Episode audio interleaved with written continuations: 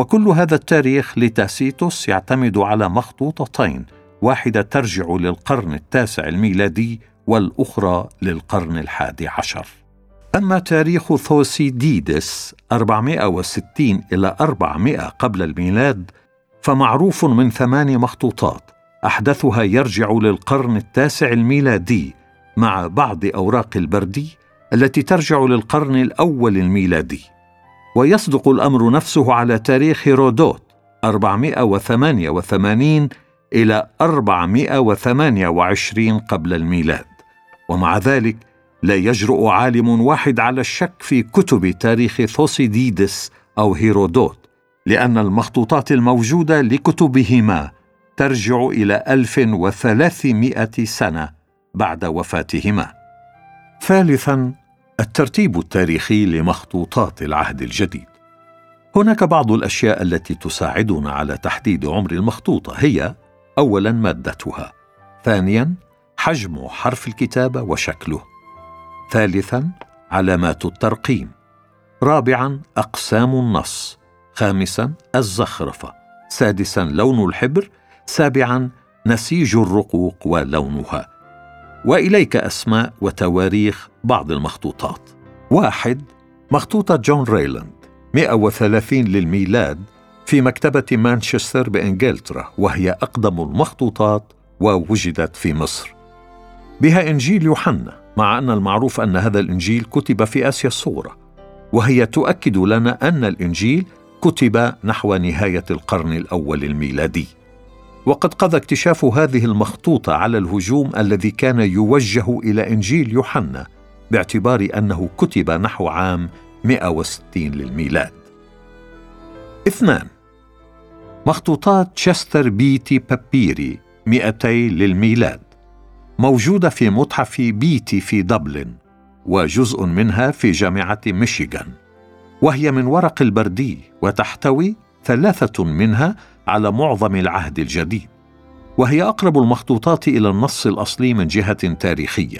ويقول السير فريدريك كانيون إن هذا الاكتشاف هو أعظم اكتشاف منذ اكتشاف النسخة السينائية فهو يضيق الفجوة الزمنية بين تاريخ المخطوطات التي بين أيدينا وبين تاريخ كتابة اسفار العهد الجديد فلا يعود هناك مجال للشك في صدقها.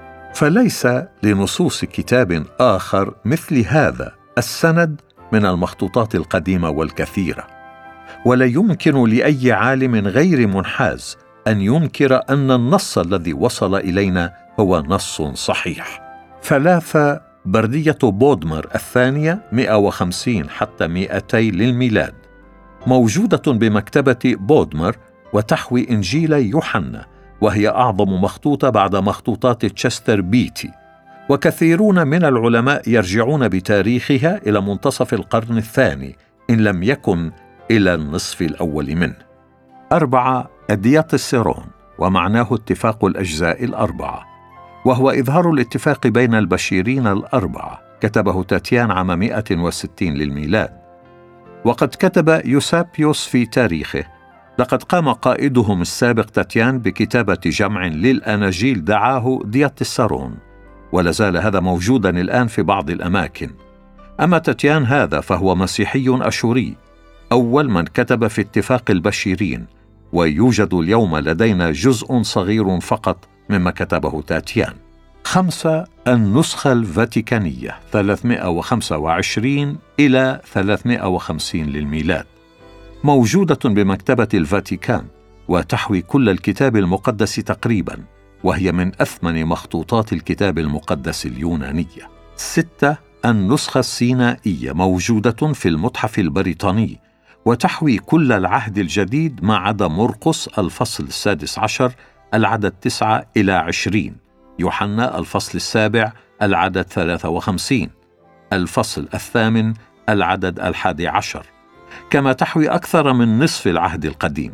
وقد عثر عليها تشاندرف في سلة للمهملات في دير جبل سيناء عام 1844 وسلمها الدير هدية لقيصر روسيا عام 1859 واشترتها الحكومة البريطانية من الاتحاد السوفيتي بمئة ألف جنيه يوم عيد الميلاد عام 1933 سبعة النسخة الإسكندرية 400 للميلاد بالمتحف البريطاني.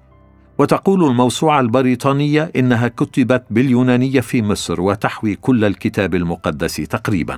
ثمانية النسخة الإفرايمية 400 للميلاد موجودة في المكتبة الوطنية في باريس.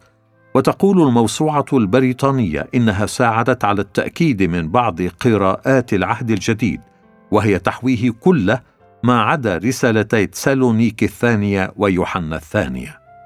تسعة النسخة البيزية 450 للميلاد موجودة في مكتبة كامبريدج وتحوي الأناجيل وأعمال الرسل باللغتين اليونانية واللاتينية. عشرة نسخة واشنطن من 450 إلى 500 للميلاد وهي تحتوي على الأناجيل الأربعة بالترتيب الآتي متى يوحنا لوقا مرقس. أحد عشر نسخة كلارومونت 500 للميلاد وتحتوي على رسائل بولس الرسول في اللغتين اليونانية واللاتينية. وهذه المخطوطات القديمة وغيرها الكثير تظهر ألف أن مخطوطات الكتاب المقدس أكثر جدا من مخطوطات أي كتاب قديم آخر. باء أن تاريخ المخطوطات الموجودة عندنا قريب جدا من تاريخ كتابة النص الأصلي. إذا قارنا ذلك بأي مخطوطة أخرى لأي كتاب قديم. ويقول العلامة أف هورت الذي قضى ثمانية وعشرين عاما في دراسة نصوص العهد الجديد إن هذه الكثرة من مخطوطات العهد الجديد والتي يعود الكثير منها إلى العصور الأولى التي تكاد تتصل بتاريخ كتابة النص الأصلي تجعل نص العهد الجديد يقف فريدا بين كل الكتابات الكلاسيكية القديمة ولا تدانيه في ذلك أية كتابات أخرى. ويقول جرينلي لما كان العلماء يقبلون الكتابات الكلاسيكية اليونانية القديمة رغم أن النسخة الموجودة عندنا منها كتبت بعد تأليف النسخة الأصلية بألف سنة أو أكثر فمن الواضح أننا نقدر أن نعتمد على ما عندنا من العهد الجديد اليوم بثقة كبيرة. ويقدم العالمان جيسلر ونيكس المقارنة التالية. أكثر الكتب القديمة من جهة المخطوطات الموجودة عندنا اليوم هو العهد الجديد ومن بعده الإلياذة 634 مخطوطة. وكانت الإلياذة والعهد الجديد تعتبران كتبا مقدسة. في العهد الجديد عشرون ألف سطر وفي الإلياذة خمسة عشر ألفا وستمائة سطر. من العهد الجديد أربعمائة كلمة أو أربعون سطرا موضع شك بينما سبعمائة وأربعة وستون سطرا من الإلياذة موضع شك. خمسة في المئة من الإلياذة موضع شك بينما أقل من نصف النصف المئة من العهد الجديد موضع شك. ولكن المهبهارات الهندية لاقت فسادا أكثر فمن أصل 250 ألف سطر فيها نحو 26 ألف سطر موضع شك أي أكثر من عشرة في المئة. ومن حسن الحظ أنه في حالة وجود هذه الكثرة الهائلة من المخطوطات يسهل الوصول إلى النص الأصلي. رابعا ترجمات العهد الجديد. من الأمور التي تؤيد صحة الكتاب المقدس ودقته وجود ترجمات قديمة. ولم تترجم إيه كتابات إلى لغات مختلفة كما ترجم العهد الجديد لأن المسيحية ديانة تبشيرية. وقد ترجم الكارزون الأولون أسفار العهد الجديد إلى لغات الشعوب التي كانوا يكرزون لها لتساعدهم على نشر إيمانهم. وهكذا ترجم العهد الجديد إلى السريانية واللاتينية والقبطية. وقد تمت الترجمتان السريانية واللاتينية نحو عام 150 للميلاد وهذا أقرب ما يكون إلى زمن كتابة الأسفار الأصلية. وهناك أكثر من خمسة عشر ألف مخطوطة موجودة اليوم من الترجمات القديمة. واحد الترجمات السريانية.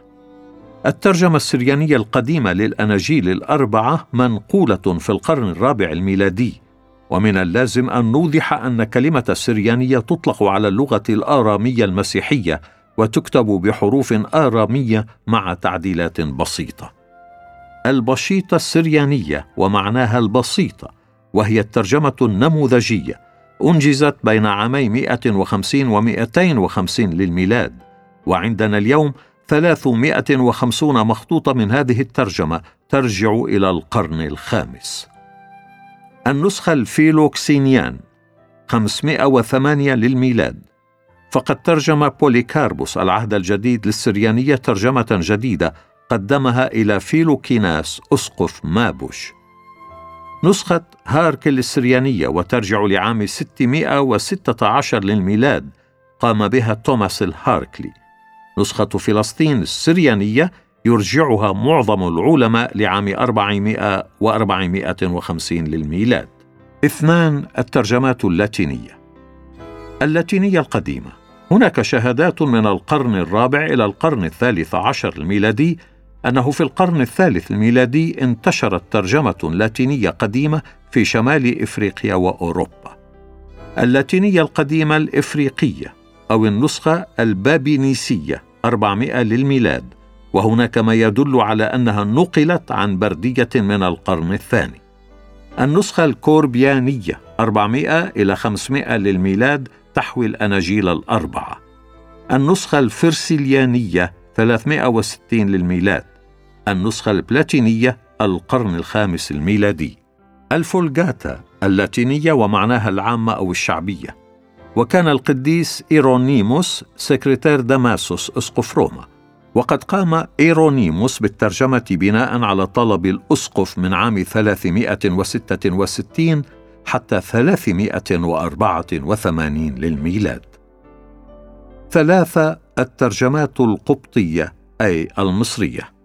يقول بروس إن الترجمة الأولى للقبطية ربما تمت في القرن الثالث أو الرابع. النسخة الصعيدية في بداية القرن الثالث. النسخة البحيرية في القرن الرابع.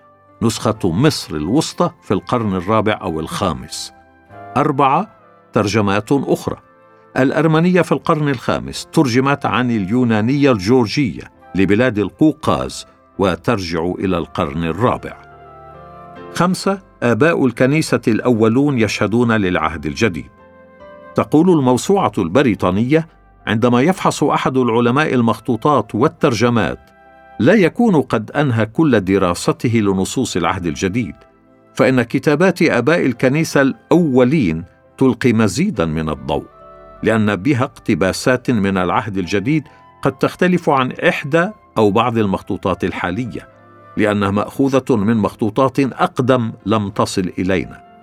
وعلى هذا فإن شهادة هؤلاء الآباء للنص وبخاصة عندما تتطابق مع المصادر الأخرى يجب أن تضاف إلى ما عندنا من مراجع. وقد اقتبس آباء الكنيسة من العهد الجديد بكثرة تمكننا من تجميع العهد الجديد من اقتباساتهم. وحتى لو أن كل ما عندنا من المخطوطات ضاع لتمكنا من تجميع العهد الجديد من كتابات الآباء الأولين. ولقد انشغل السير ديفيد دالرمبل بفكرة لو ضاع العهد الجديد أو أحرق في القرن الثالث الميلادي وقت الاضطهاد العنيف. فهل كنا نقدر أن نعيد جمعه من الاقتباسات الموجودة بكتابات الآباء في القرنين الثاني والثالث؟ وقضى السير ديفيد دالرمبل زمنا درس فيه كل ما وصل إلينا مما كتبه آباء القرنين الثاني والثالث ووصل إلى هذه النتيجة. لقد وجد كل العهد الجديد ما عدا إحدى عشرة آية.